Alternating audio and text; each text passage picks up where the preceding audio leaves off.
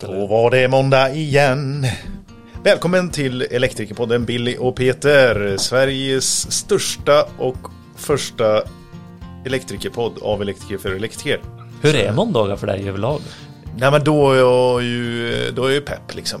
Söndagsångest var ju länge sedan man hade till exempel. Ja, det, kom, det kommer jag knappt ihåg när jag hade senast. Nej, det, men det är nog fan fåförunnat kanske det. Ja. Eller släpper det efter 30, söndagsångest. Nej, jag tror, eh, nej, jag tror det kan komma tillbaka. Det tror jag minsann. Man vill inte släppa en sån härlig känsla man känner igen liksom. Mm, välkommen. Hur tror du det går i avtalsrörelsen förresten? Ja, eh, jag tror det börjar röra lite på sig. Jag, eh, du skickade ju faktiskt en länk där till eh, de unga, vad heter det, unga, elektriker. Mm.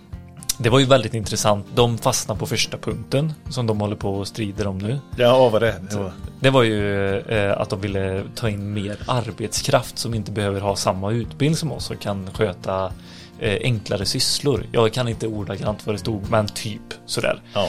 Ja, vi pratade ju om det också. Jag, jag, och det är faktiskt något vi har ju pratat om det i många andra avsnitt också. Mm. det här är ju att någonting som du, eh, vurmar för eller? nej det skulle jag inte säga vurma för, men som du har tagit upp som typ en lösning på eh, på hela så här elektrifieringen, bemöt, bemötandet av liksom den här stora utmaningen som vi har som elektriker, att vi behöver bli fler. Men då har ju du sagt så här, men vi kanske ska ta in andra då, som inte är elektriker i branschen. Ja. Icke! Säger unga elektriker. Utbilda oss mer istället. ja. Det som jag reagerar över är väl lite eh, det du förmedlar. eh, Den här känslan av att det inte riktigt jag, jag tycker inte att man tänker hela vägen utifrån vilket syfte som man behöver bli. Vi Mm. behöver bli fler i branschen. Men är det inte en rädsla På som väldigt talar? kort tid, det kommer vi inte kunna bli. Nej, nej men det är ju en rädsla som talar att man ska bli av med sitt jobb. Alltså, Ja men elsäkert pratar de ju också om. och- Alltså elsäkerhet, jobba Ja, elsäkert. Ja, absolut. Men det, Där vurmar ju du mycket för det. Ja, men det ser jag en tydlig avgränsning. Om det, Mm. nu, om det nu skulle komma in mycket, typ så här, om vi säger solcellsmontörer så är det utbildade, du ska bara sätta fäst, fäste och sånt Mm. liksom. Eh, då, då får man ju bara vara tydlig med sin gräns. Alltså vart ska jag ta över och vart ska du sluta? Precis, det var också en annan tanke som jag fick då när jag läste detta. Att det här händer ju redan. Ja. Det pågår redan. Mm. Ska vi säga något till de unga elektrikerna? Ni, ni är välkomna in i podden och eh, argumentera för er sak. Ja, nej men eh, så är det verkligen. Och eh, en förutsättning för att det ska komma in fler folk och bli fler elektriker och sånt, det är ju också att leverantörerna hänger med va? Att vi håller Så på att utveckla så branschen tillsammans. Det är inte bara eh, hönan eller ägget liksom. Nej. Eh, Så därför är det ju helt underbart att det bara i år Vet du hur många nyheter Nexan ska komma, med, komma ut med bara i år Peter? Alltså jag skulle vilja säga så här, bara, kabel, liksom. Ja men kabel, vadå? Ja. Det är ju eh, koppar eller aluminium i eh, inplastat. I olika skrud. Ja. Nej jag vet inte, ingen aning. Sex oj. nyheter har de på gång. Bam, bam, bam. Har vi någon ny färg på gång? Kan du skvallra om det? Ja, alltså vi har någonting, vi har något som är mycket större än färg, ska jag säga dig. Och det ska vi prata med Jenny om här i ett senare avsnitt faktiskt. Mhm. Jättekul, jag har mycket frågor. Mm. Så där händer det mycket i den tomteverkstaden, kan jag säga. I den tomteverkstaden? Ja, i Grimsås. Får jag annonsera om en grej från, från vår andra eh, partner? Den ena eller tredje. Den eh, gröna. Den gröna. Ja, Schneider Ja. Electric. Kör! De har ju eh, två stycken events som du och jag ska vara med på. Ja. I Malmö och i Stockholm. Precis. Den i Malmö gick Ja. lite trögt i anmälningarna. Ja, det var lite, eh, hon, eh, det var lite tajt. Ja, det blir för tajt Eh, inpå, ja. Precis. Precis. folk hade börjat eh, planera andra saker. Exakt. Det var liksom så. Så då bara, ja, då lyssnar vi, då flyttar vi fram det lite. I, i Stockholm i alla fall, så är det 30 mars. Mm. Det är i Stockholm, det blir jäkligt kul. Då deltar ju vi på båda de här Du eh, kommer vara där och jag kommer vara där. Ja, Så är det. i Malmö Definitionen. kommer det vara 29 maj. Det är en måndag. Mm. Åh, tänk att möta måndagsångesten med Billy och Peter. Ja, då är fan det är som att lördagen har fortsatt. Sign Eller fredagen. up. Ja, verkligen. In och anmäl mäl er där i alla fall. Ja, Du, eh, efter det här nu så kommer vi lyssna på Garo. Och då kommer de prata om Entity Pro. Har ni börjat sätta upp någon där ute? Hör av er till mig. Mm. Eller Peter. Men helst till mig. Men du, till dagens avsnitt. Vi Jo. kommer prata med två stycken giganter kan man säga. Eh, Den ena rent fysisk, fysiskt gigantisk, Erik. Och den andra en stor föreläsare Inspiratör. och inspiratör. Men båda företagsledare och driver Spark Group. Lite som vi har haft eh, eh, med elinsta- eh, jo, in, elinstallation tidigare. Ja, precis. Vad är Spark Group? Ja. Ni som hänger på LinkedIn till exempel ser. Spark Group om vartannat hela tiden. Mm. Eh, om ni hänger i installatörskretsar och sådär. Och då undrade vi, vilka är ni? Varför syns ni överallt? Och Ja. varför handlar ni installatörsföretag till höger och vänster? Hur får ni med er alla de här installatörerna att vilja ingå i ert koncept? Vad är det för koncept ens? Mm. Och jag tyckte att det var väldigt häftigt för jag blev ganska fort insugen i det här äh, häftiga kapsar, snygga, snygg logga, eh, spännande Future Group och ja, Men det, var, det var ett mantra där som vi Ja. inte riktigt är vana vid. nej, När man eh, åker runt och träffar elinstallatörer. väldigt kul. Där bidrar ju Magnus Helgesson. Mm. Det bara för att skvallra lite där så är ju han då en stor eh, inspiratör, inspiratörsföreläsare. Mm. Men han är också en av de mest önskade och mest efterfrågade inspiratörsföreläsarna i Sverige. Mm. Drev en gång i tiden upp restaurangkedjan Harrys. Precis. Du Billy, nu lutar du tillbaka och så Ja. lyssnar du. Hämtar jag popcorn. Ja, det är bra det. Ha det. Ha en god vecka allihopa! Hej!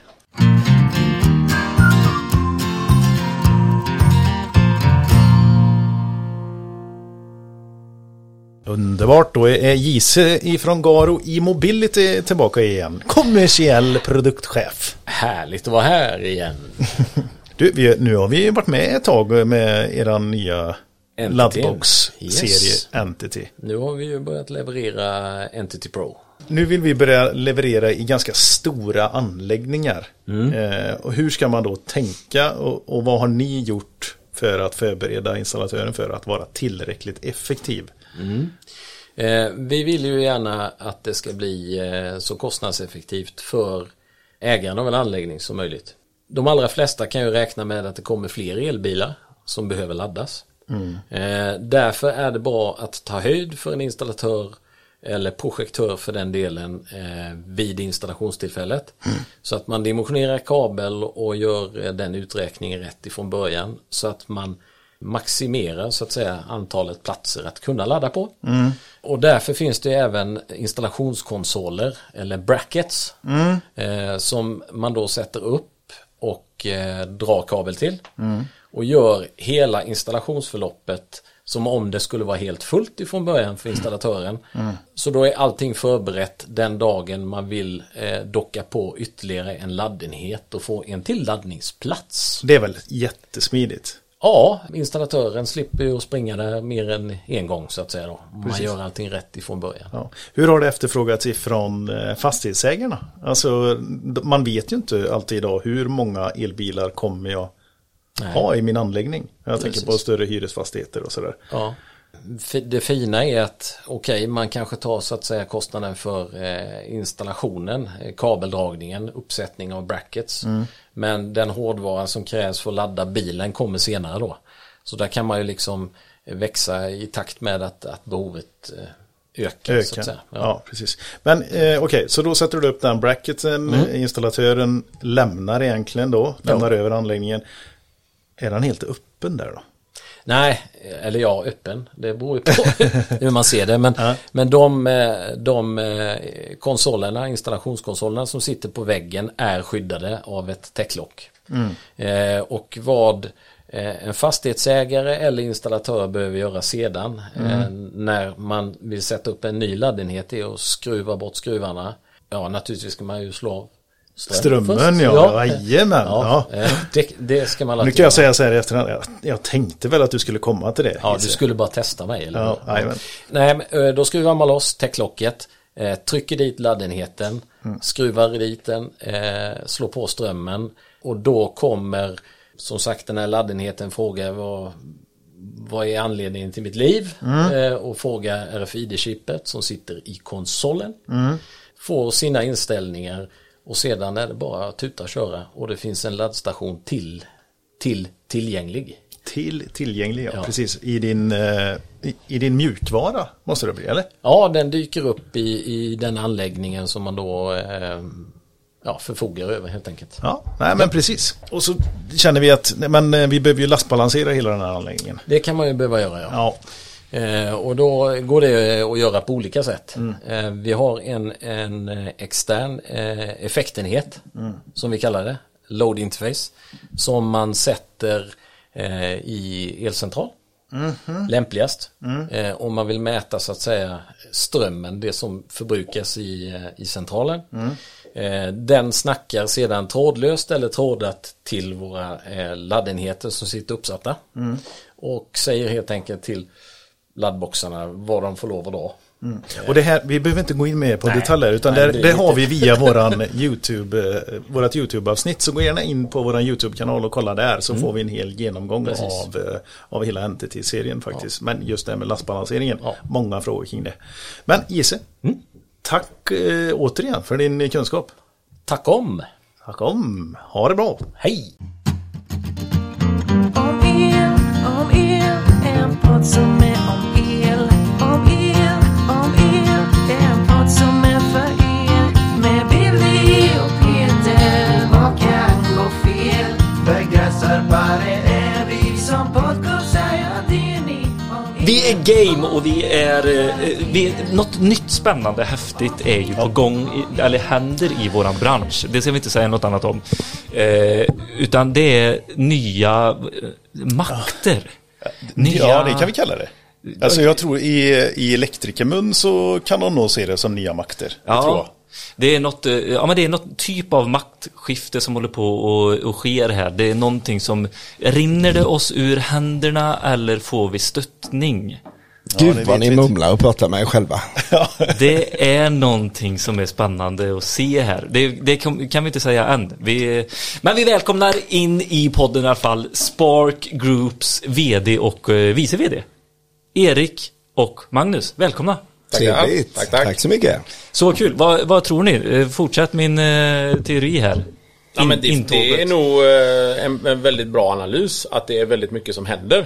Sen så får man ju själv kanske välja att eh, titta lite på vad det är som sker och de olika aktörerna och, och hur man väljer att göra olika typer av, om man får kalla det konsolideringar eller, eller hur man väljer att liksom approchera branschen. Vad, vad tror du Magnus? Du som är helt utifrån också och kommit in i en sån här fin... Nej men jag tror väl så här att eh, när vi pratar om branschen så vet inte jag riktigt vad vi menar och, och jag har Nej. svårt att relatera till det. För mig så skulle det kunna vara vilken bransch som helst. Eh, för det handlar om samhällsbyggnad, det handlar om eh, människor. Så, så ehm, som svar på frågan, det här med makt, jag, jag vet inte vad det är riktigt, men du får gärna fördjupa och jag är gärna med liksom hela vägen och i, i det. Håller mig i hand. Ja, ja, ja, jag, Ja, men jag tror att du, du kan nog vara med och håll- hålla ganska många i hand, eh, Magnus, tror jag. Eh, genom den här resan lite grann. Eh, vi, vi hade faktiskt med för två år sedan så hade vi med en annan, eh, en, ett annat bolag som har konsoliderat ihop massa andra bolag. De heter Jo Installation. De har Ja. också gjort en lång, eller en stor resa nu på kort tid. Och sådär. Ja. Och många utav de som vi tilltalar i, i våran podcast här är ju just elektrikerna själva. De som då kanske blir anställda eller söker anställning hos några utav era bolag eller i de här konstellationerna. Ja men även elinstallatörer, företagsledare, sådana som går ut och tar sin eh, expertis och startar eget. Det har vi väldigt många sådana lyssnare. Och då är det ju väldigt långt ifrån deras vardag att ha en sån här organisation som ni håller på och bygger i ryggen. jag, jag kan ju inte branschen så bra som ni och har liksom inte på, på, sett på den utifrån det perspektivet. När du nämner jo installation så, så, eh, så har jag bara hört positiva saker kring jo. Det, det har varit liksom eh, väldigt positivt och det känns kul. Eh, det är ju inte alla utan att nämna några eh, branschkollegor eh, så är det ju inte alla man hör positivt om. Men, men där har både jag och Erik fått positiva vibbar utifrån att Absolut. att de faktiskt gör någonting där det kanske är lite mer hjärta. Eh, och, och det är väl där vi kommer i vårat ursprung ifrån att vi tycker det är intressant att göra det vi gör, få människor att växa. Och ehm, det gör värt att gå upp på, morgonen. Ja, men för, innan vi går in eh, för djupt i Spark Group här också, då måste vi vet- veta vilka ni är. Eller hur? vad kul. Vad är det som... är Nu, det? nu tar vi eh, hockeyproffset först tycker jag. Ja. Eh, Eller så presenterar jag Erik. Ja, det, ja, Ja, ska ni kan presentera Erik varandra. är våran eh, grundare, vd, huvudägare och fucking rockstar. Välkommen att presentera. Vem är du Erik och var kommer du ifrån? Ja men eh, Erik Björklund då. 39 år nu. Jag får vänja mig att säga det. Jag har precis fyllt år. Ung. Eh, och eh, kommer ju från Kungälv. Och eh, skulle ju som lite Magnus sa bli en, ett riktigt hockeyproffs. Eh, jag blev ett halv-semi-hockeyproffs på något sätt. Eh, ett gäng junior-SM-guld, spelade i Frölunda. Eh, var inte tillräckligt bra när det väl gällde. Och eh, hamnade på college i USA. Trivdes inte där, saknade Sverige. Åkte hem med svansen mellan benen och eh, sedan så fick jag möjlighet att spela som proffs i Italien av alla ställen. Det är lite coolt. Ja, det var ett fantastiskt år. Eh, det var NHL-lockout, mycket bra spelare eh, och jag fick, hade en, en väldigt bra säsong. Vad kallade de dig i Italien Erik? Jag gick ju under det pompösa smeknamnet El Grande. Var det efter första eh, träningsduschen? Ja, du ser ju de lårmusklerna? Ja, du är ju ganska grandios. Du är ju Kan man säga. 1,90 eller? 1,92. 1,92 ja. Ja, hade en, en stenhård kanadensisk tränare så att när jag kom dit på, eh, på sommaren så eh, jag fick sitta och pumpa en hel del på cykeln eh, extra för att, för att hitta den ultimata formen. Okej. Med men, han piskandes bakom dig? ja precis. Eller var det självbedriften som... Att Ja, men det var nog en kombination? Ja. av för att liksom ge sig själv möjligheten till att kunna leverera ordentligt. Tanken var att du skulle bli lika snabb som Nils fast på sju meter. Ja, exakt. Exakt. Han har också stora lår. Det Ja, kan jag ja, tänka ja. mig. Ja. Jag tänker att det är rätt stora baks, alltså baksida lår är ganska stora när man Sätes. ligger och pumpar. Ja, så, ja som precis. Ja. Maximus. Han, han, är, han är ganska Han, han är också grande. Ja, det kan man säga. Vilket lag är det Erik du pratar om som du spelar i? Det hette HC Fassa, så i Canasei. Eh, ligger mitt emellan Bolzano och Cortina. Så uppe i nordöstra Italien. Cortina har jag varit och åkt skidor. Det är fint. Längdskidor, jättefint. Ja.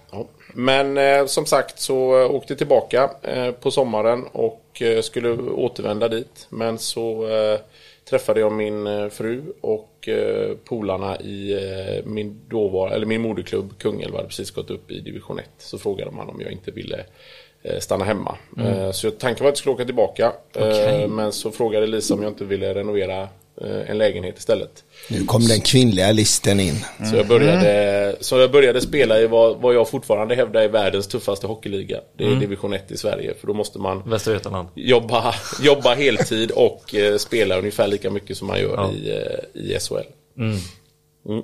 Så det är bakgrunden. Och eh, sen hur jag hamnade där jag sitter idag Ja, är det ju är ju- att Ja. Jag hade som 13-åring började jag att- sommarjobba eh, hos eh, min pappa på eh, Kungälvs kommun. Mhm. Gjort allt ifrån att sortera gatsten, rensa ogräs, lägga Mm. asfalt. Eh, Parkarbete. Älskar det. Det är mitt bästa jobb jag har haft. Det är också mitt sommarjobb på kommun alltså. Det är på jag riktigt? Det. Ja. Det var så jäkla Sätta händerna i något. Ja. Låter asket. Jobba utomhus också. Ja, precis. Så, att, eh, så jag började som anläggningsarbetare och gjorde lite olika typer av jobb. Husgrunder, rörläggning. Eh, men var ganska så här otålig, rastlös. Tyckte att eh, jag kan väl få räkna på projekt själv. Så jag satt på kvällar, nätter, helger och gjorde det. Och sen så ramlade något projekt in. Och så fick vi, eh, ja, så gick det bra. Eh, och sen så... Nej men nu tycker jag du hoppar över lite grann. Nu vill vi höra om gatstenen. Så där kan du inte göra. Ja, men, och, och, det, och det har väl kanske i en förankring det här att man, man måste göra jobbet och du Ja. måste göra det rätt. Precis. Annars så kommer man inte framåt. Eh, så att då det här första sommaren så, så är, det, är det ett minne som, som etsar sig kvar lite grann. Och det var att man skulle sortera gatsten. Det var en jättehög med... eh, Och, och Kullersten. Eller Ja, alltså gamla fyrkantiga stenar. Stora, Bohus stora. granit eh, Ja. fina. Lus- älskar det. Ja. Ja. Och där då i, i Kungälv, alla gamla gator så, så Ja. ligger det ju mycket sånt. Eh, så då eh, fick jag ju sortera och gjorde efter bästa förmåga. Så jag la ju små åt ena hållet och stora åt andra hållet. Så höll jag på sådär några dagar. Eh, och sen så kom det en som skulle inspektera och titta vad jag gjorde. Och då eh, sa han att fråga vad, vad håller du på med? För då hade jag ju inte tagit bort de som var trasiga. Jag hade inte tagit bort de som det, som var, som det satt asfalt på och satt betong på. Så att, vilket innebar att då hade de en hög med sånt som, ja, något gick att använda och något gick inte att använda. Så det var ju att göra om och göra rätt. Eh, och, och lite där fick man ju lära sig liksom att det, det handlar ju om att göra, få jobbet gjort och att göra det på rätt sätt. Så att det, det är ju någonting som man kanske lite har haft med sig i bakhuvudet men som man ändå kan hela tiden koppla ihop till sånt som, så, sånt som man gör idag också. Det har Eh. präglat dig lite den eh, högsorteringen där. Absolut, Ja. verkligen. Ja, ja men jag förstår. Det har det gjort. Och sen har man kunnat ta med sig det till, till andra moment som man, man har gjort vidare. Ja. Men ehm, för att bara liksom summera så började ju då som eh, anläggningsarbetare, blev arbetsledare, kalkylator, projektledare, eh, arbetschef och liksom höll i egna projekt. Så det här kring Göteborg. När det Ah, var... vänta lite nu tycker jag hopp, du hoppar lite. nu får du berätta om skyfflen och asfaltsläggningen. Ja men eh, det var väl också där eh, tredje året på, på sommaren så då skulle man ju lägga asfalt eh, och det var ju varmt och jävligt. Och, och liksom de hade ju en, en lastbil, gripskopa eller ja, sprider som det kallas för då. Och så hetsade de mig lite grann för de märkte liksom att de, jag, jag kunde gå med på det mesta. Eh, och, och då sa de så här att ja, men om vi, du får springa med här nu och så får du bära med skyffel. Och då frågade jag, ja, men vad händer om vi blir färdiga tidigare då?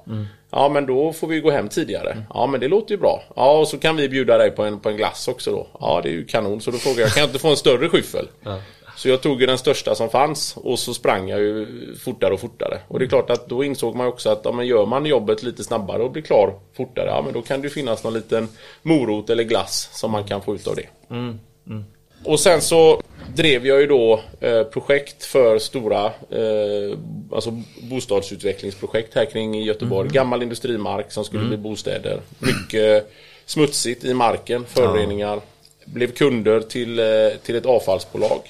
Och det avfallsbolaget skulle bygga en, en återvinningsanläggning här i Göteborg. Så jag blev tillfrågad att hålla i det projektet.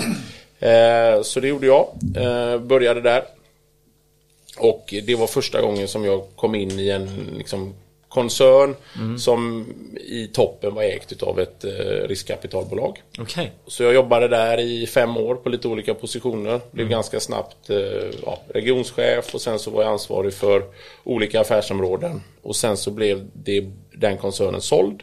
Och då tyckte man ifrån de nya ägarna som kom från Danmark att jag var för ung och inte var dansk. Så jag kunde inte ta över som VD. Ja, just det. Så då startade jag två stycken bolag eh, inom återvinning. Eh, och körde dem i, eh, i eh, några år. Eh, Jag vill vi- höra om det tipping point här. Liksom. Har du sålt av några bolag? De här bolagen som du... Ja, men de, de två som jag startade, tanken var ju liksom inte att sälja dem. Utan jobbat under riskkapitalbolag på det sättet. Eh, jag har hela tiden varit när man kommer Hur från... kändes det? när man kommer från lagidrott som, som liksom är grunden och liksom det här att, att jobba och göra jobbet och vara ute i lag och jobba då, då lär man sig ganska snabbt att ja, men det är ju där ute som skillnaden händer. Det är ju där som skillnaden görs. Och att kunna se medarbetarna och fokusera på medarbetarna. Vad är det som är viktigt för medarbetarna? Det är inte så jätteviktigt vad som händer i ett styrelserum. Det är inte så jätteviktigt att liksom alltid fokusera bara på siffrorna ner på minsta millimeter varje dag. Utan att du kan vända på det och lyssna på vad är det för idéer? Okej, ett exempel är liksom att om, om jag får en större skyffel så lägger jag asfalt fortare. Ja, men Om du hela tiden kan lyssna på medarbetarna som är där ute och gör jobbet. Plocka fram det bästa men även typ locka fram det bästa. Exakt. Och Liksom att den. våga och belöna det. Ja. Men jag, jag drev ju de här bolagen i tre år eh, och sen så fick jag en, eh, en, en fråga om att eh, sälja dem och eh, återinvestera hos ett stort återvinningsföretag i Stockholm. Eh, så det gjorde jag efter lite Det var första gången du log här nu under din... Såg du smiley? Ja, jag såg den lilla där. Efter lite förhandlingar fram och tillbaka. Eh, Så var jag med där och eh, vi, vi byggde det så jag var ansvarig för, man säger, den delen då som liknande där som jag sålde in verksamheterna. Så vi gjorde lite bolagsförvärv och vi, vi byggde en organisation eh, som gjorde att vi, vi dubblade väl i stort sett storleken på, eh, på bolaget. Och sen så eh, efter tre år så, så kom det en pandemi. Och vi jobbade ganska hårt för att eh, börsnotera bolaget och blev, eh, blev klara med att kunna börsnotera. Men så eh, tog man ett beslut från de som var huvudägare att eh, sälja av det. Och då ehm, hade jag gjort mina tre år så att då tittade jag lite på ska jag vara kvar, ska jag inte vara kvar. Men kände nog det som var det avgörande för mig var att jag kände mig ganska klar med alltså branschen i, i stort. Och, och sen parallellt med det så hade jag gjort lite investeringar i fastigheter och i lite andra industribolag och sådär. Okej. Ehm, så Alltså du, du är 39 år nu. Liksom. jag bara säger när du 39 var... år, det- ung. Ja, Ja, ung. du måste ju varit, Men eh, alltså, typ när du var 35 bast när 35 du- ja. Då Ja. ägde du några bolag och drev eh, liksom... Ja, du hade sålt av och börjat börsnotera. eh, ja, alltså vi, eh, jo, jag har väl gjort en, en, en hel del. Eh, så är det. Ja. Ja. Men någonting som jag la märke till det var att eh, du var väldigt tydlig med att säga att eh, du gick in i ett bolag som ägdes av riskkapitalister. Nej, det, inte nej risk- sa han inte. Men nej, han, riskkapitalbolag eller risk- private equity. Man kan ju definiera det hur man vill.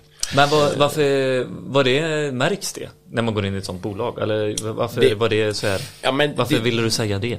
Ja, men alltså det, ma- man ska ha med sig lite att det, det Alltså det, det skapar ju väldigt mycket möjligheter att göra det. För att ofta så vill man ju, man vill framåt, det investeras pengar, man vill få avkastning utveckling på det. Eh, och eh, när, när jag gick in i, när jag fick förmånen att bli anställd i det bolaget och, och ha hand om den då, deras liksom, största satsningen som gjordes. Så, så det är klart att det blir ju präglat av att man, man avsätter pengar för att utveck- utveckla ett bolag och göra en stor liksom, satsning. Eh, och, och, och då blir det ju mycket styrt på siffror och på, på liksom hur det ska levereras. Men jag fattar, för om du driver ett, ett familjebolag eller lite sådär då, då behöver det ändå komma ut lite pengar varje år liksom som blir att eh, ja men du ser att det går bra för bolag du ser det, men här, här är man inte så noga som när du har en sån liksom organisation i bakgrunden så är de inte så noga med att få ut snabba pengar typ. Utan de ser en långsiktig investering, de tror på, satsar på människan, på verktygen. Ja, vänta, Fattar ni vänta. det här som blir Ja. eh, skillnaden mot ett privatägt kanske där man Ja, jag vill höra Erik vad... Nej men alltså, det, det, grejen är så att detta är ju 2011, 2012. Eh, då fanns det ju inte många, om man, om man kallar dem då för PE-bolag, Private Equity, eh, som det gör idag. Eh, och alla de har ju lite olika approach. Okej. Eh, vissa investerar i vissa typer av branscher. Vissa vill ha en, en, en man, man kräver att man ska ha en årlig avkastning på liksom investerat kapital. Vissa är lite mer långsiktiga. Eh, men, men det som ofta blir, eh, så som jag upplevde det, det var att det blir väldigt forcerat på att hela tiden mäta. Hur går det? Vad gör vi? Och, och det är klart att det måste man ha med sig. Men, men man behöver liksom inte, alltså fokuset kan vara lite olika. Eh, beroende på, för att om du, om du skapar det fokuset och det präglar organisationen så, så blir det oftast inte så bra för de som gör jobbet. Eh, för, för de känner liksom ingen anknytning till det. Precis. Eh, Är inte det här ganska förknippat med amerikanska bolag eller? En amerikansk, eh, ja det, du skruvar lite på det Magnus där, men toppstyrd, hierarkisk kultur. Alltså, det, det, beror ju, alltså, det går ju i flera led beroende på liksom vad, vad är det för investerare, vad, är det för, vad är det för styrelse, vad är det för management, hur väljer man att, att fokusera på det? det? Det som jag har lärt mig extremt mycket och, och samtidigt så, så tycker jag väl någonstans att förankringen i att de som är ute i verksamheten och gör jobbet, alltså titta på den branschen som, som vi är i. Eh, det, det är ju lite någonstans att den som kommer, om man får kalla det, vinna kampen om, om resurserna. Att ha eh, människor, medarbetare som kan göra jobbet. Ja, men det är de som långsiktigt kommer att vinna projekten. Eh, så, så, så därför så så har hela tiden det varit ett, eh, ett, en viktig del att man ska få, få medarbetarna med sig. Och det är ju lite det som, som ledde mig till att titta på, på den här branschen för att där det finns mycket eh, synergier mellan bolag. Det finns mycket synergier mellan människor, eh, alltså i formen av medarbetare som kanske, ja men man har jobbat som elektriker i 10-15 år eller 5 Ja, år eller 3 år. Erfarenhetsutbytet och allt emellan. Exakt, och man kanske vill titta på en, an, en annan del av branschen och vill få möjlighet att byta bolag eller pröva på någonting. Eh, och också möjligheten att kunna hjälpa eh, entreprenörer. Lite som vi pratade om liksom inledningsvis när ni kom hit. Det var att ja, min bakgrund är inte från den här branschen. Men min bakgrund är att ha gjort resan i alla steg. Från att vara anställd och jobb, göra göret som vi brukar säga. Till att bygga bolag eh, och, och liksom sätta sig själv i, i andra sammanhang. Och eh, kunna få en utveckling av det. Men det, Svintufft. ja, ja, precis. Och det här det gör det ju så intressant. eh, För ni är inte klassiska. Ni är väldigt oklassiska i, i vårat perspektiv i alla fall. Och då är det så att du har valt Magnus här. Att få Ja, men- delta i i den här resan. Eller är det Magnus som har valt att... Nej men alltså det, det alltså naturligtvis är det ju Magnus som har valt att, att han är här. Det har vi, det är nog väldigt Han är svårt inte tvingad. Att, nej det, det tror jag inte och det får han berätta själv om. Men eh, min grundinställning till när, vi, när den här idén föddes om att gå in i, i den här branschen så var det ju att att alltså skapa ett bolag, varumärke eh, som, alltså det som om man ser våran logga så är det en, eh, det kommer från två stenar som slås ihop, det skapas en blixt emellan.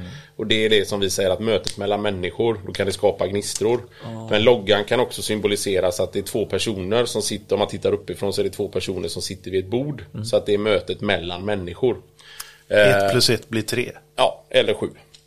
Eller sju också. Och, och, eh, och då har mitt, alltså inställningen från början var att de personerna som vi, när vi bygger ifrån att ta in en eh, partners styrelse, vad det nu må vara, det är att alla ska kunna bidra till våra dotterbolag som vi ser som våra kunder. Vi vill inte ha att det ska vara en mentalitet som är att ja, det finns en styrelse någonstans som pratar om vad, vad som hände för 20 år sedan och för 10 år sedan. Utan vi vill vara här och nu och vi vill blicka framåt. Och alla ska kunna, kunna medföra någon form av vad det nu kan vara som, som jag behöver i min utveckling eller som, som de här entreprenörerna behöver för att kunna utveckla sina företag. Och då, du, ja, precis. Du ser dem som kunder för att, se så här, eh, moderbolaget, vad kan jag göra för dig? Exakt. Lite den mentaliteten liksom. Så här. Hur, kan, hur kan jag hjälpa dig idag? Så det. Välkommen. Så jag kontaktade Magnus. Jag gick en utbildning för Magnus är bra på siffror men eh, vi, vi, jag tog kontakt i alla fall efter den utbildningen så avslutades det med en föreläsning. Eh, och det är väl drygt åtta år sedan. Och 163 dagar sedan. Typ så. Ja, okej. Eh, och eh, jag kontaktade Magnus efteråt och eh, han, eh, svarade inte på, på min kontakt. Lite drygt tänkte du då eller? Lite dryg. Men så har jag liksom haft det där i bakhuvudet, lyssnat på en del eh, av hans föreläsningar och, och sådär. Ehm, Så då tog jag en chansning och skickade ett sms till honom. Eh, Och skrev det att jag har skickat ett mail till dig som du inte har svarat på. Då var han väldigt snabb och sa att jag svarar alltid på mail. Ja men det här är sex och ett halvt år sedan. Eh, Så att okej, men då får vi nog göra någonting åt det. Så skrev jag att jag har en idé som jag vill presentera och så vi tog en lunch. Och ja, där, är- och det var ju i mars 2021. Oj. Då skulle jag vilja backa bandet lite grann i eh, när Erik eh, förklarar sin historia och det är två saker som jag skulle vilja att vi pratar om. Eh, skillnaden mellan att optimera och maximera. Utifrån det du säger det här med, med hierarkisk styrning, det är ju någonting som finns i hela världen och om man nämner då USA som, som exempel så ännu mer kanske hos oligarkerna i Ryssland. Eh, där du inte har någonting att säga till om som medarbetare. Eh, men eh, det finns två händelser och det du sökte lite grann då. Eh, det finns två händelser. Eh, det ena är som Erik ska berätta om. Det är när han mötte dansken. Eh, det, det ska han berätta om. Eh, och den andra händelsen det är skillnaden mellan att optimera och maximera. Apropå att vi sitter här och dricker väldigt gott kaffe under tiden som vi har intervju. Så kan du väl berätta eh, vad de sa om kaffe och medarbetare som eh, fick igång din tankeverksamhet. Danskarna eller? Nej, men det, det finns ju lite så här saker som liksom sägs i olika typer av, av sammanhang. Och alltså någonstans så blir det så här som, som kanske sätter sig i, sitt huvud, i ens huvud. Som gör att ja, men det är en liten kommentar som ändå man, man ser liksom att mindset och som får en påverkan i det stora hela. Den får en stor betydelse och vi har med oss den varje dag. Ja, men, men, men det är ju så här att om, om, man, om man pratar om återigen då sina medarbetare och, och har man då att man kör mycket avfall, ja, men då har man det blir mycket lastbilschaufförer. Lastbilschaufförer är ganska kända för att dricka kaffe.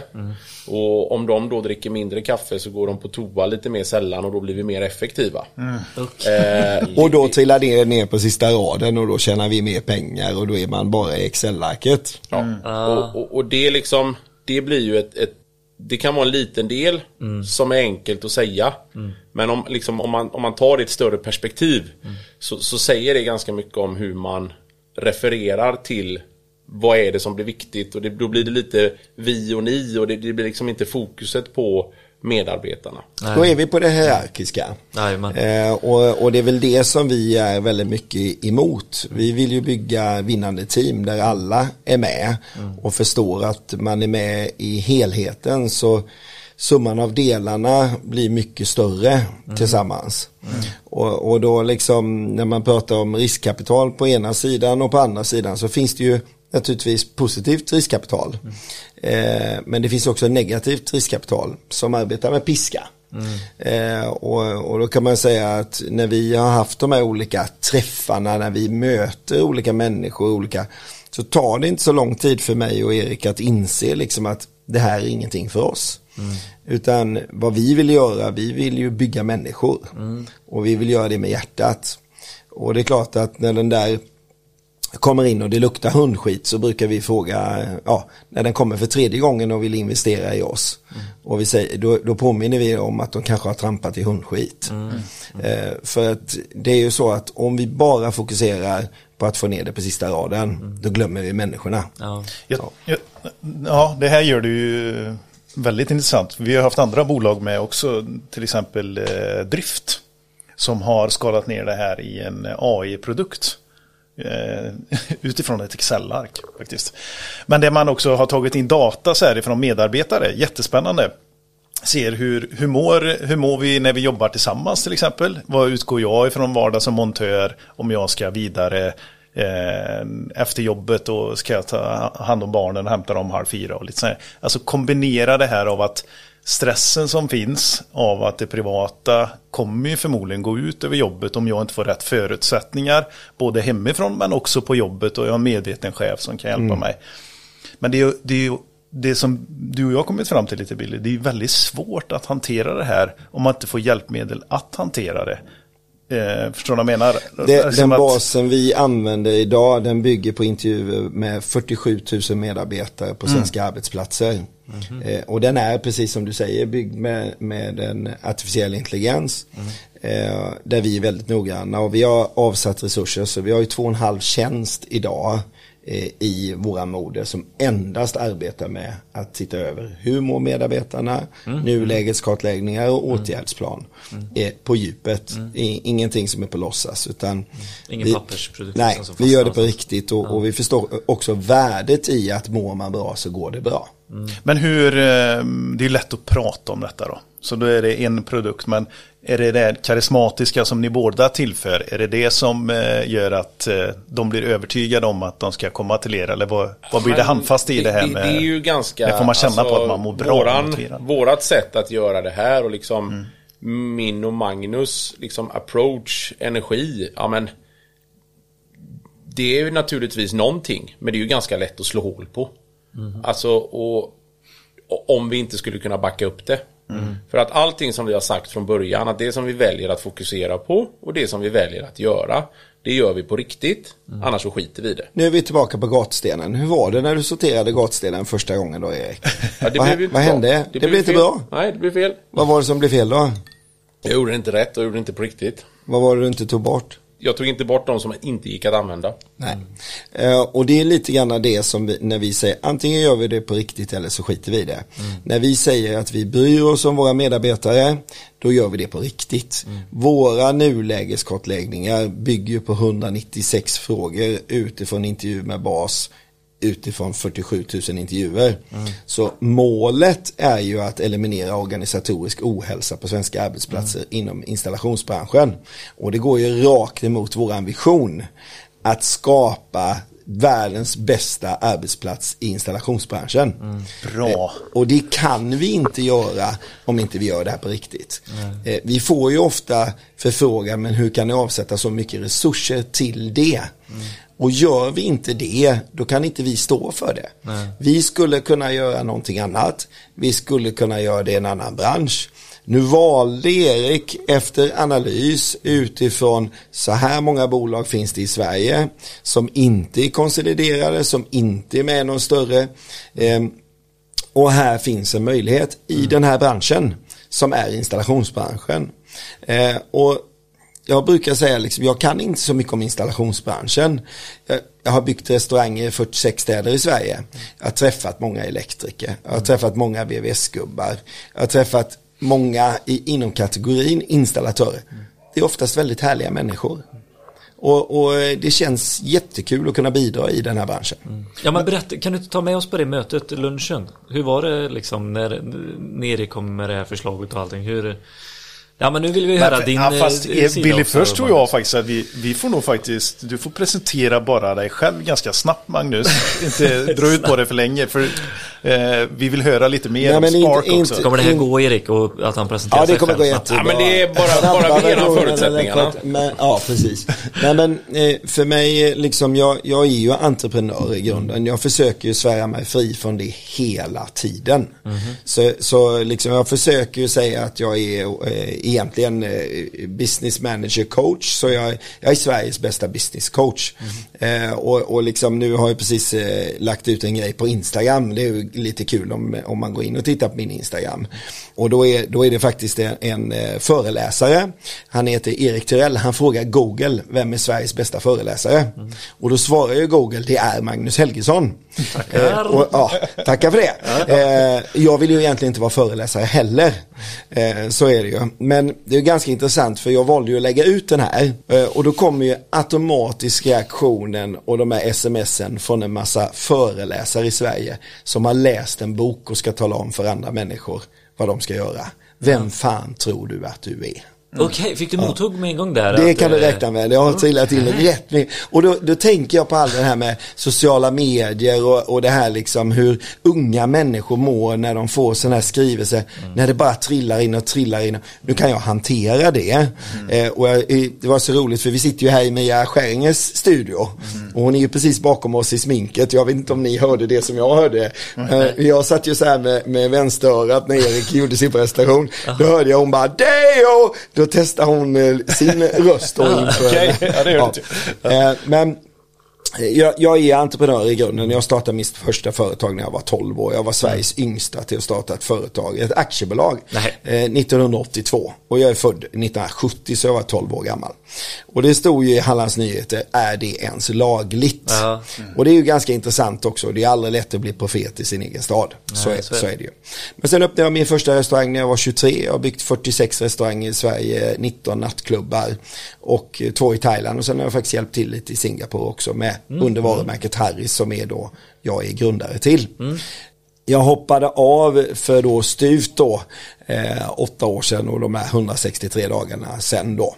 Och eh, då hade jag 1046 anställda bakom mig.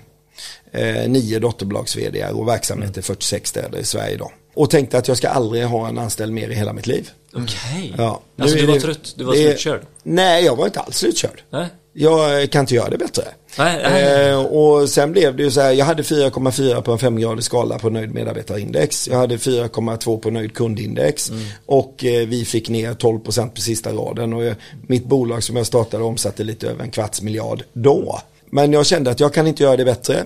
Och sen var jag, det som jag var trött på, inte slutkörd, det var fackliga förhandlingar. Det var att mina medarbetare jobbade svart hos konkurrenter och hade sjukskrivit sig. Det var att eh, folk stal pengar. Vi var ju i en bransch då, restaurangbranschen. Alltså var den, är den lite, eller var lite? det var lite sådär rough var det. Oh, fas. Ja, det visste jag Men. När jag kom ut därifrån och, och liksom hade fått rekommendation. Jag fick rekommendation faktiskt från Kjell Enhager och Thomas Enhager. Mm. Att du ska inte jobba i ett bolag utan du ska hjälpa många bolag. Mm. Då blev det liksom, jag anmälde mig till Talarforum. Jag tänkte jag kanske får 10 uppdrag på ett år. Mm. Eh, jag fick 114 första året och blev Oj. deras mest bokade föreläsare. Och sedan så har jag ju jobbat mycket med UF-elever. Ja, vad kul. Ja, och det är något jag brinner för oerhört mycket. I Någonting som- Falkenberg eller? Var? Nej, nej centralt. Jag sitter i huvudjuryn för, för UF och har Ah, gjort Okej, eh, så det är sen- när man går vidare och allting. Ja, okej, då är jag med. Mm. Så jag har suttit med där i 19 år. Oj. Gått igenom 1478 UF-företag och är väl den som har gått Är det igenom något du vill mest. eh, lyfta upp som är lite så här stolt att... Ja, eh, men vi har ju våra marknadschef idag, Oskar Wilhelmsson. Han är ju topp 10 av 16 000 finalister. Vi har Vilma som sitter i vår styrelse och Vilma är 19 år. Hon är också topp 10. Eh, Hon är också världsmästare i hacking. Så eh, vi brukar säga, jag och Erik, att det mest omoderna som finns det är ju en medelålders man i en styrelse. eh, och därför så har vi väldigt mycket mångfald och det finns också återges i vår affärsplan. Så Vilma Emanuelsson är ju då väldigt, hon bidrar ju väldigt mycket i våran styrelse med, med sin kompetens då. Jag brukar alltid säga om man vill veta någonting om framtiden ska man aldrig fråga någon som är äldre än sig själv. Nej. Så ehm, det, vi är inne på en fantastisk resa med centrum på att sätta människor i första rummet. Och det intresserade ju mig då. Då kan man ju återkomma till den där lunchen eh, då när Erik, eh, jag tror att det är någon mening med allting för lunchen var ju då på Rhapsody i eh, Nya Hovås. Eh, och det kan man väl säga, jag älskar Nya Hovås i den samhällsbyggnaden. Har ni varit i Nya Hovås? Supermysigt. Rhapsody. Jag åkte dit för, till Ah. Rhapsody för att käka där och så det nya sant? Hummus. Jättemysigt. Har du varit där Billy? Jajamän. Utan att varit sagt till där. mig? Nej, för dåligt. Ja, det är grymt. Ja, det var kass. Så där kan Ja, vi inte okej. göra. Men, eh, men i alla fall så var mötet där och eh, jag hade inte varit så många gånger tidigare i mitt liv i Nya Hovås men Eh, jag hade hjälpt till i, i ett bolag där lite grann som heter Nextstep som, som har byggt då framförallt då med Joakim Gavé som, är, som var grundare i det då. Och ehm, det här datumet som Erik eh, pekar på, det var, det var ett väldigt intressant datum utifrån att jag tror ju att allting har en mening och allting börjar med tro. Jag skulle på begravning i Nya Hovås den dagen, tre timmar senare, som Erik bokade mötet. Okej. Så jag tänkte det måste vara någon mening med det här mötet. Eh, för eh, en väldigt fin man, en, en mentor till mig som hade gått bort, som jag har lärt mig väldigt, väldigt mycket om. Så det där mötet var intressant och då får Erik återge det men, eh, men jag kan väl säga att eh, en sak som triggade mig i mötet det var ju att jag brinner för varumärken. Jag brinner för den lokala stoltheten. Eh, Jag tycker väldigt illa om när de stora kedjorna köper till exempel en glasmästare och plockar ner skylten och sätter upp en grön skylt. Och sen ett diplom på väggen där det står Great Place to Work. Och så ska alla se glada ut. Och de betalar fan ta med 1800 spänn extra för guldramen och så kommer du in och så ser det ut som de har sålt smöret och tappat pengarna. Eh, det är ovärdigt tycker jag. Eh, jag älskar gamla varumärken. Vi gjorde ett förvärv så sent som för 72 timmar sedan. Eh, en, ett, eh, Vinbergs El i Falkenberg där vi bland annat då Jonas och Magnus och Magnus eh, Svensson Turbo som var i landslaget i fotboll. Eh, eh, 96 år har det bolaget funnits. Eh, alla vet om att om du ringer till eh, Vinbergs El i Falkenberg, ja men då får du bra service, bra kvalitet, de kommer inte köra upp dig på eh, någon faktura, de tänker långsiktigt. Det där är ett favoritbolag till oss. Där, man, eh, där vi, våran första fråga vi frågar, det är ju naturligtvis, vad kan vi hjälpa till med? Och det här var nummer 50. Ett. Nummer 51. Så utifrån tesen där mötet när Erik berättar sin hela sin affärsidé som liksom mynnar ut i vår affärsplan på en sida som alla förstår. Eh, och det svåra är ju att göra det enkelt. Eh, så kan väl du återge det Erik, eh, din tanke, din idé att bygga detta utifrån fakta med stort hjärta. Och bibehålla stolthet hos medarbetare, bibehålla och rädda gamla fina varumärken. Mm, som på något sätt kan vara på glid genom generationsskifte. Mm. Det kan vara en elfirma där pappan har drivit elfirman i 30 år. Vi har legat i förhandling med och ligger i förhandling med ett par sådana. Mm. Eh, men sönerna vill inte ta över eller dottern har flyttat utomlands. Mm. Vem ska ta över? Då kommer successionen in där vi tittar på vem skulle vi kunna lyfta? Mm. Vem skulle kunna driva den här verksamheten och vilken support behöver den? Mm, Så du kan väl ta det därifrån Erik? Ja men alltså vi, vi har ju flera av, av bolagen som där man kanske har drivit sitt företag ganska länge och så ser man att ja, men hur, hur ska jag kunna ta det här vidare? Ja, men man har någon som har gått från att vara en montör, ledande montör, arbetsledare och som kanske har 10-15 års erfarenhet av att ja, men göra bra projekt. Precis. Men det är ganska stor skillnad att ta det nästa steg att driva bolaget och den som då har startat bolaget, hur, hur, hur ska man liksom Man kanske inte vill jobba 50-60 timmar i veckan för alltid. Utan man kanske kan få ta ner vissa delar och att man, men att, vilket gör att man vill hänga i betydligt längre.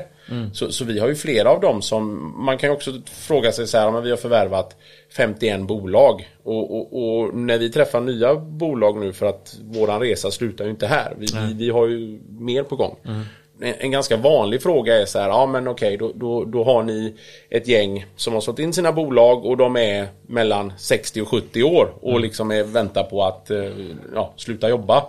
Men, men våran snittålder på de som har sålt in sina företag är 47 år. Jaha.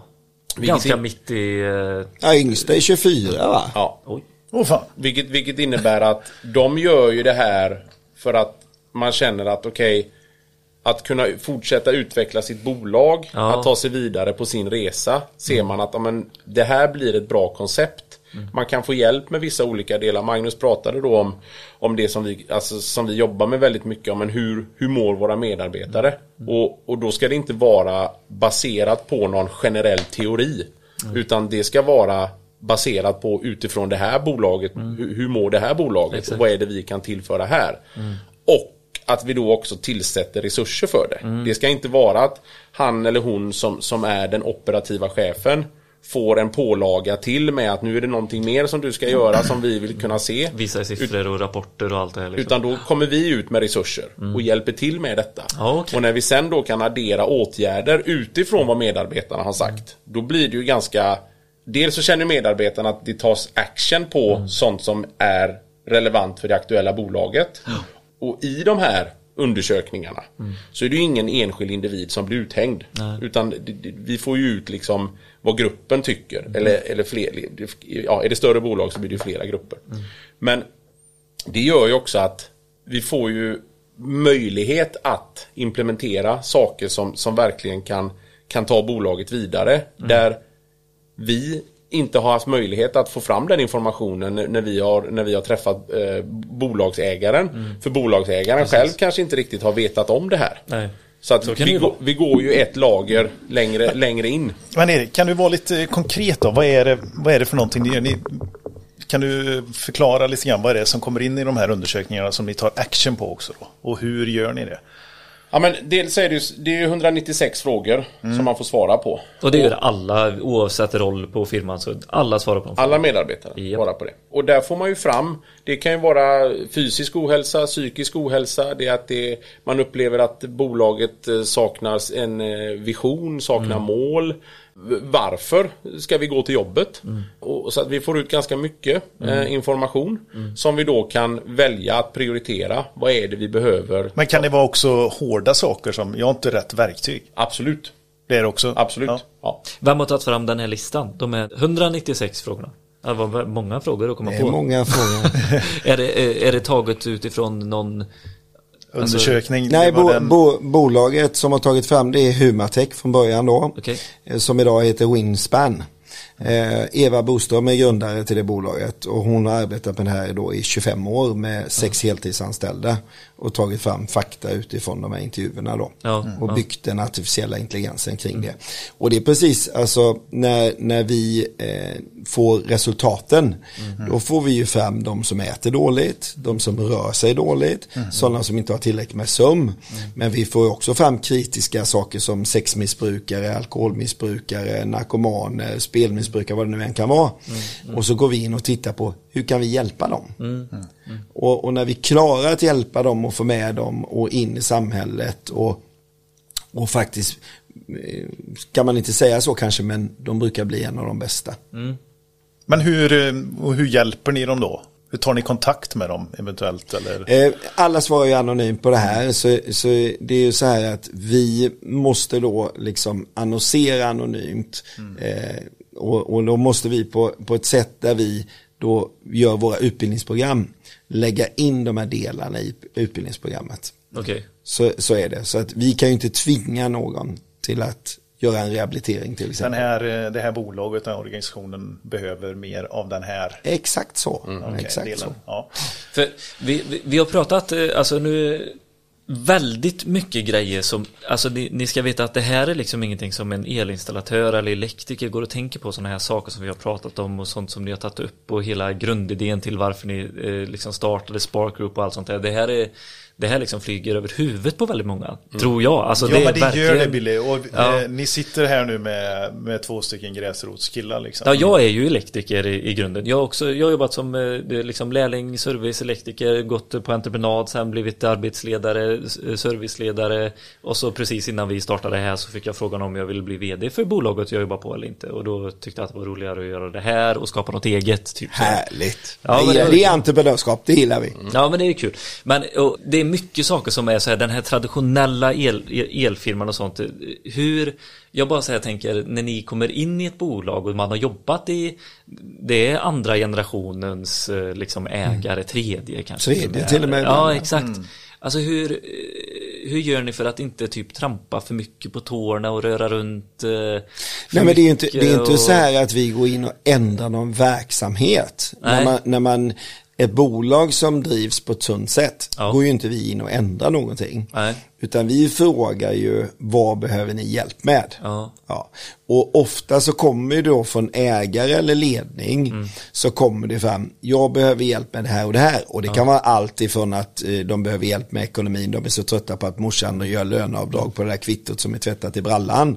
Det, det, det är ju det är inte helt ovanligt. Nej, jag Nej. skrattar för det igenkänning. Ja, men okej, Eh, det, det är inte helt ovanligt. Men det kan också vara så här, men jag behöver två arbetsledare till. Men vi klarar inte att attrahera dem, vi vet inte var vi ska hitta dem. Ja, men då kan vi ju hjälpa till med våran marknad, med våran research, med våra, att söka de här. Det kan vara en sak. Så att beroende på vad frågan är. Vi är väldigt lyhörda och lyssnar, vad är frågan, vad behöver de hjälp med? Eh, Vi, vi har det ganska enkel, eh, enkelt i våra liv egentligen. Vi har ju bara, Kul, det låter jäkligt kul. ja men vi har ju bara 51 kunder. Ja. Ja, jo precis, exakt. Men det är våra dotterbolag. ja. Hur, hur, eh, hur stor är organisationen bakom? Ja, men nu, nu är vi, nu, nu hade alltså. vi ju en eh, träff här med alla och då är vi 21 stycken som är i ledande funktion. Eh, och eh, och jag har fortfarande ont i, i träningsverk efter det där träningspasset på morgonen. Jag har ju inte lika stora eh, lårmuskler som Erik. Men vi är 21 stycken för närvarande idag. Och, och det är väl tilltaget och det är självgående. Så vi, vi bygger en självgående organisation. Eh, vår affärsplan bygger ju på att den är på en sida men den bygger också på, från teorierna från Jim Collins Good to Great.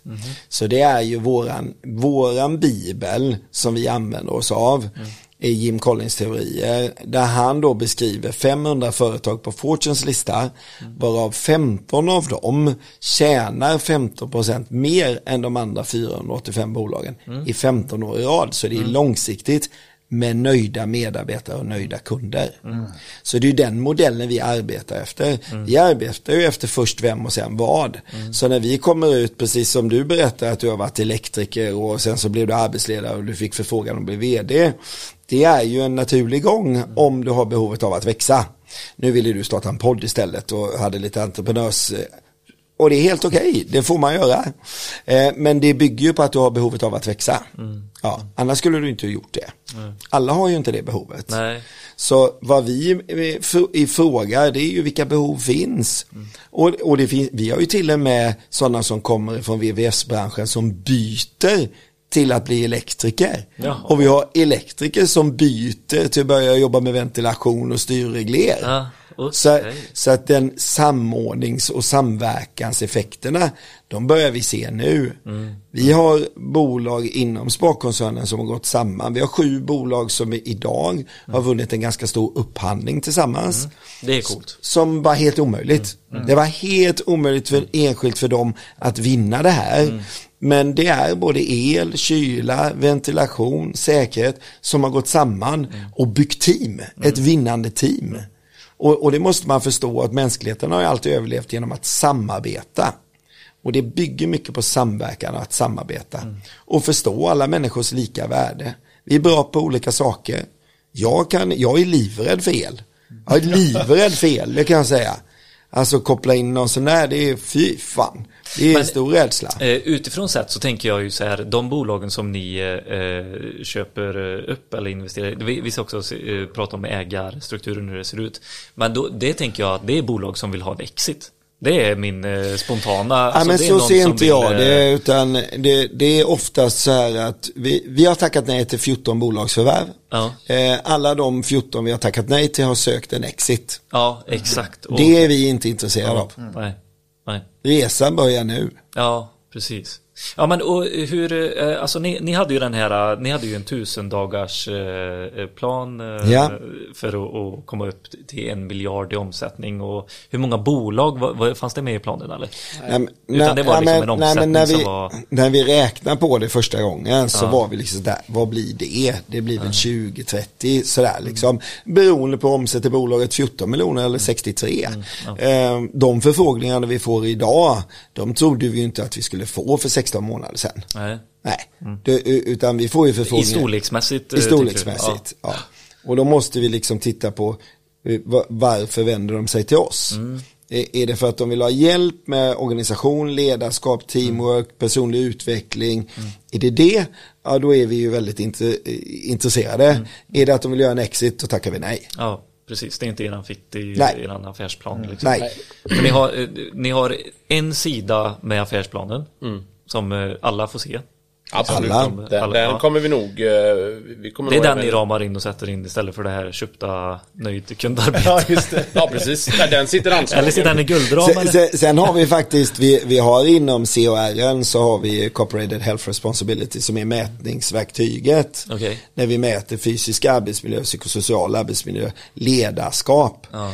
Där har vi faktiskt interna tävlingar. Ja, okej. Vem kan hitta det högsta värdet? Och den rullar varje vecka eller en sån? Nej, nej, nej, eller- nej, nej. Vi, vi gör förfrågningar på djupet. Vi är inte på ytan och, och krusar. Så, så först gör vi det på djupet med de 196 frågorna. Ja. Sen tillsätter vi åtgärdsplaner. Och sen mäter vi igen. Okej. Med lika många frågor igen eller? Jajamän. Ja, det är en gedigen, alltså det är ett eh, coolt arbete. Men eh, tillbaka till tusen dagars eh, planen här. För ni lyckades ju göra det på 421 dagar. Ja.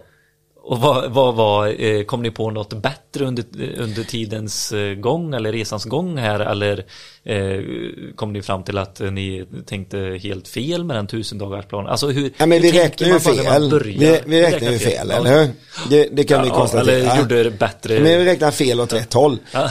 Men det byggde ju mycket på förvärven som vi gjorde. Ja. Blev väldigt positiv effekt på. Ganska fort liksom. Och då pratade man i branschen och tog kontakt med någon som hade fusionerat in sitt bolag. Gått med i Sparks, inte kände att jag har sålt till Sparks. Utan jag har gått med i Sparks. Eh, vis- eh, Vilket är en väldigt stor skillnad. Vilket betyder att det var andra som hörde av sig till Erik och mig. Och sa, du jag hörde att ni har förvärvat det här bolaget. Jag känner Johan och har haft ett möte med honom. Jag skulle också vilja vara intresserad av att ta en dialog. Mm. Och då gick det lite lättare än vad vi trodde att det skulle gå att få in då nya bolag. Mm. Bolagsstrukturen nu då, hur ser det ut? Vi, eh, Johans kompis hörde av sig, sig till, till er här nu och Är det ni två som kommer ut på första möte? Är det Alltid. alltid? Alltid. Ja. Och då är Eh, lunch, Magnus har varit med på 60-70% från start till mål med alla förvärv. Jag Mm. Ja. har varit med på 100% hittills. 110. Start till mål. Man, man frågar ofta så här, men Erik varför ska du liksom vara med hela vägen liksom från Mm. första möte till att vi skriver en avsiktsförklaring, vi går igenom processen, Mm. vi kommer i mål, vi har tillträde. Och det är för oss den bästa tiden att lära känna bolaget. Mm. Vi, vi jobbar inte med att sätta in 10 konsulter, 10 advokater som bara ska gå När ni har igenom tagit i näven så är det andra som tar över liksom. Så är det inte. Nej, utan under den tiden så får du så mycket information, du får möjlighet att bolla, ställa frågor, vad är det vi kan tillföra, vi går igenom, hur jobbar bolaget idag, vad är det vi kan ta action på ganska omgående. Ja. Är det någonting som vi inte behöver göra? Vad är det de har koll på? Vilket innebär att ja, men då blir det ett mycket, mycket större förtroende för när vi väl börjar jobba ihop. Och att det är mycket lättare att informera vårat team som finns i bakgrunden Ja, när vi har kommit in med ett bolag. Ja. Eh, så att eh, 100% i närvaro. Eh, alla tillträden sker alltid fysiskt med, eh, med oss närvarande. Mm. Eh, vi, vi, det, vi tror återigen på att det är mötet mellan människor. Det är Mm. där det händer. Eh, och, och då kan man ju fråga hur, hur liksom klarar vi av att göra det på det sättet. Men, men vi är ett väldigt väl, välsammansvetsat team. Som, som jobbar eh, extremt bra tillsammans. Mm. Eh, så att ehm, Ja men eh, fortsätt, det, då eh, liksom under hela den här processen, eh, ni har med en jurist antar jag från ert håll och det har de med eller? När ni har liksom Det ser eh, lite olika ut. nu är det, det är en match här. Alltså förstår du, hur, hur, Ja. hur går man tillväga sen? Finns det ett standardprotokoll som ni bara säger, det här är så här vi gör för att... Ja, men vi, vi har ju vissa delar som, som följer en, en viss formalia. Ja. Sen så blir ju allting individanpassat.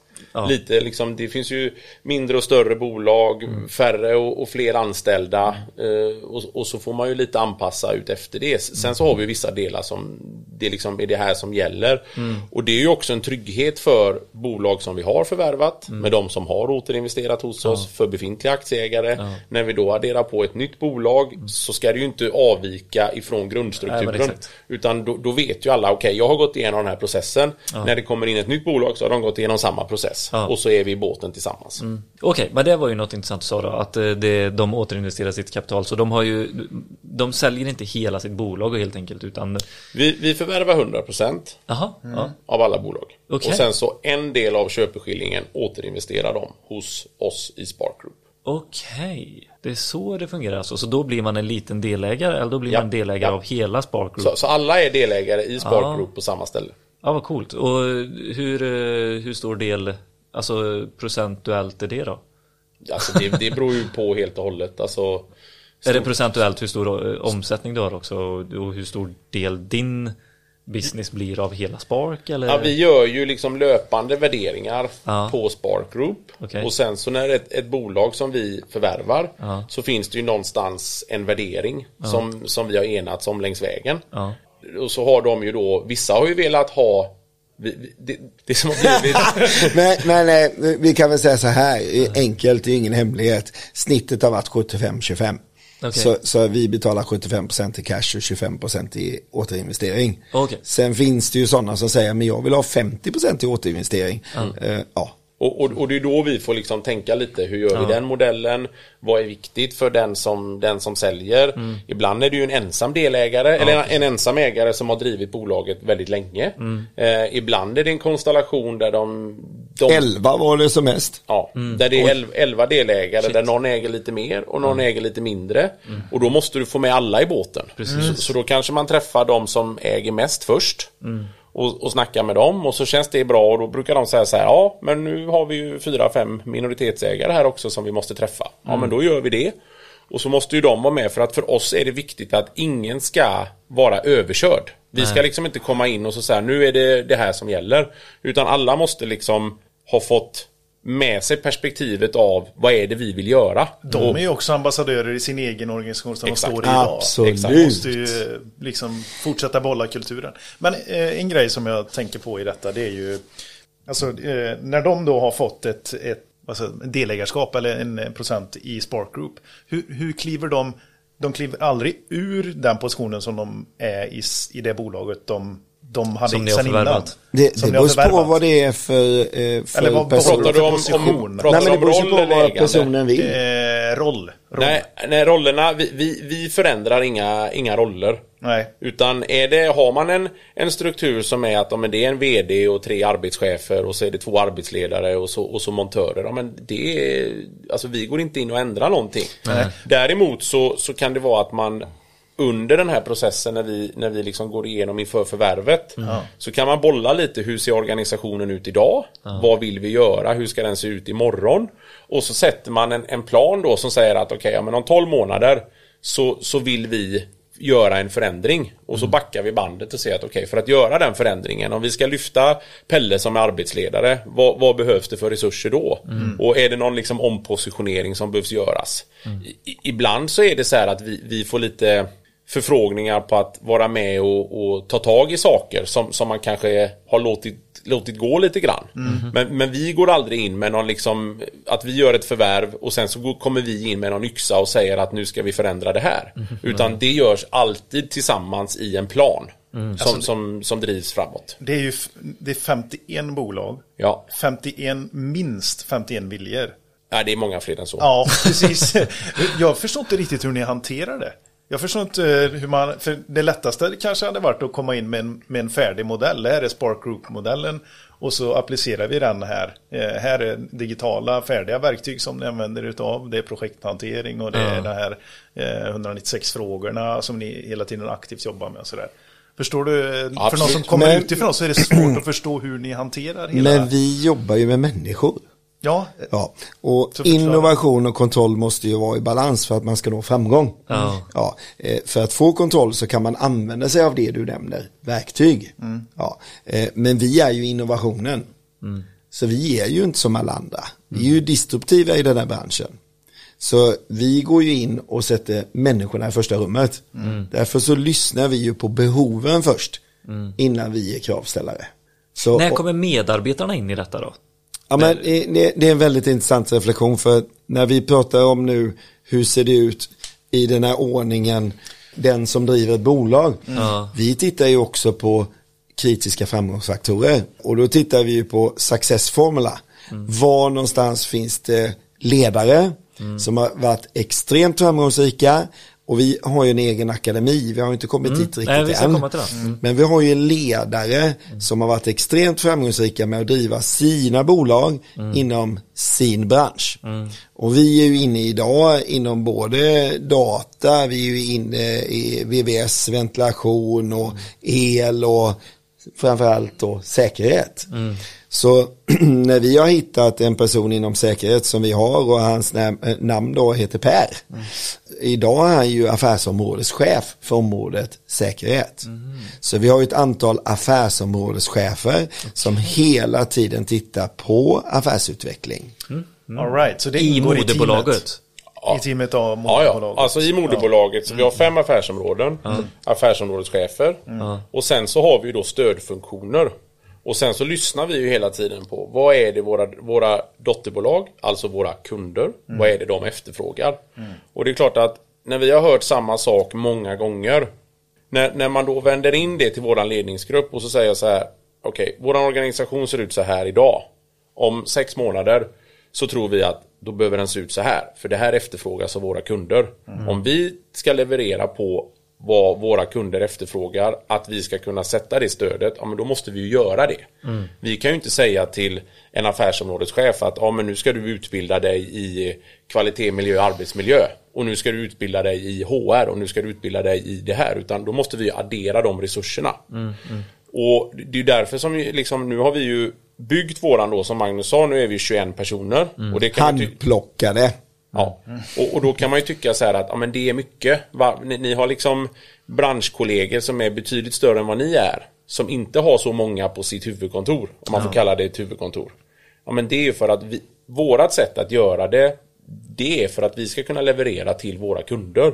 Så att vi anställer en, en KMA-chef. Det är ju för att det är ju någonting som alla av våra kunder säger att kraven på kvalitet, miljö, arbetsmiljö. Det kommer uppifrån beställare, det kanske rinner igenom ett byggbolag eller vad det nu må vara.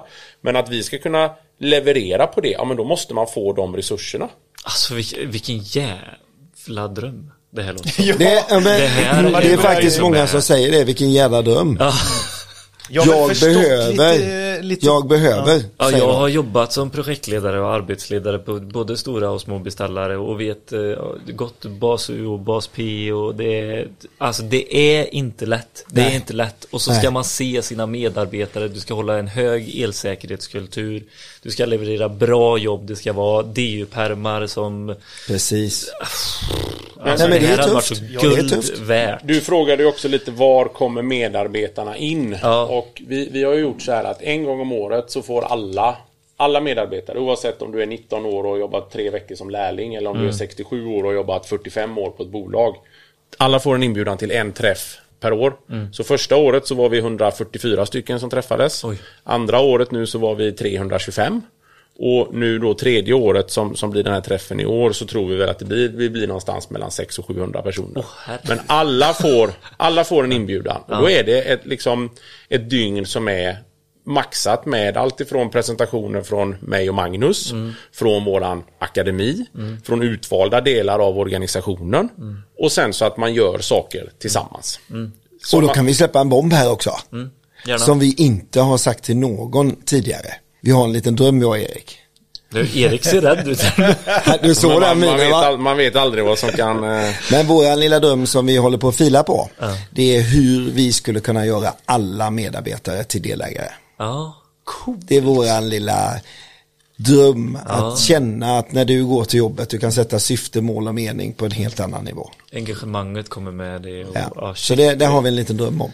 Ja, och någonting och Vi filar på det. Ja, fila på. Fantastiskt. Men, men säg det inte till någon. Nej, men, men, och, och där kan man ju också då alltså, lite så här knyta an till, ja, en sak är ju hur vi, hur vi bygger vi förvärvar bolag. Vi brukar säga att ja, vi har förvärv i våra DNA. Och samtidigt så bygger vi en, en organisation i bakänden. Och samtidigt så, så ser vi hur ska vi kunna utveckla människor. Och när man lite kommer in det här på, eller på det här med vi, vi har ju pratat om employer branding och, och, och så vidare. Och, och det är klart att det är många som, som ringer och frågar när Nils van der Poel står i våran t-shirt och tar emot bragdguldet. Hur mycket har vi betalt för det eller varför gör han det? Och vi visste ju inte ens om att han skulle göra det. nej. Och var, han har hållit, han har Ja, vad hållit, betalar du då? han har hållit, 90, han har hållit Det är tvärtom. han har, hållit, han har hållit 92 föreläsningar där han har haft våran t-shirt på sig på, på 90 utav de 92. Och n- när jag och Magnus träffade Nils första gången så då, då, liksom, då drog ju han sin story. Och att, om liksom, vad han var fram tills idag. Och han har ju ett stort behov av att ge. Det är ju därför som han presenterar sitt träningsupplägg för alla. Varsågod, här har ni. Förmodligen Helt så kommer du bli eh, olympisk mästare om du gör det här. Men det kommer inte vara så jävla lätt. nej. Och så när han var färdig med sin, eh, med sin skridskoåkning så, så bollade vi ganska mycket. Vad skulle vi kunna göra och så vidare. Så han är ju utbildad i, vårat, eh, i våran COR-plattform. Och har liksom fått jobba ganska nära i bolaget. Eh, sen så gör ju han sina föreläsningar och är, är med mer som en, en, en åtgärdsmöjlighet. Men han är ju fortfarande väldigt nära oss. Det är ju därför som han eh, är, är med när vi gör bolagsförvärv nummer 50. Och, och gärna gladeligen tar på sig, tar på sig sin tröja och, eh, och gör ett uttalande. Ja, vi får tillägga, han håller ju också i en akademinyckel. Eh, Han är ju hyfsad på att sätta mål. Exakt. Eh, och, och han är ju faktiskt en, en stor aktieägare i Sparks också. Ja, han är det. Han är Ja. en delägare också. Det, ja. Han är delägare. Ja. Så är det. Ja, Och det är hans enda investering han har valt att göra. Ja. Ja, han eh, valde att lägga sina hundratusen han fick eh, från Jerringpriset också. På i föreningen Jajamän. Coolt alltså. Det var, hur coolt var inte det? Ja. Han har ju fått en egen rondell i Trollhättan. Har ni sett den eller? Det är så jävla coolt så det är Eller? Ja. Ja, Ja. Nej, vi har inte varit där men vi har sett det. Ja. Det här, vi, vi har, alltså, Det är jävligt trevligt. Jag vill gå igenom ni, någonting som eh, återkommer hos er, är humankapital. Jag Ja. vet inte vad det är. Det vill jag Eh, veta. Men det inte nu. Mm, Okej, vi, tar, vi tar det i nästa. Vi tar det i nästa. Ja, det är bra. Det är bra. Det var bra, Erik, va? Vi, Mm. vi Ja, har eh, hela akademin. Ja. Eh, vi har eh, eh, Spark Future. Jättebra. Eh, alltså fattar ni? Nej men vi syns, eh, Ja, men jag- jag- vi syns den 21 mars igen då. Ja, Ja, vad trevligt. Ja kanon, då perfekt. ses vi då ja. Tack så mycket. Ja, tack för att ni deltog. Ja, kul att ni kunde komma. Tack, tack. Tack, tack. Vi som om er, om er, för er. Om er, om er, för er. Om er, om er, för er.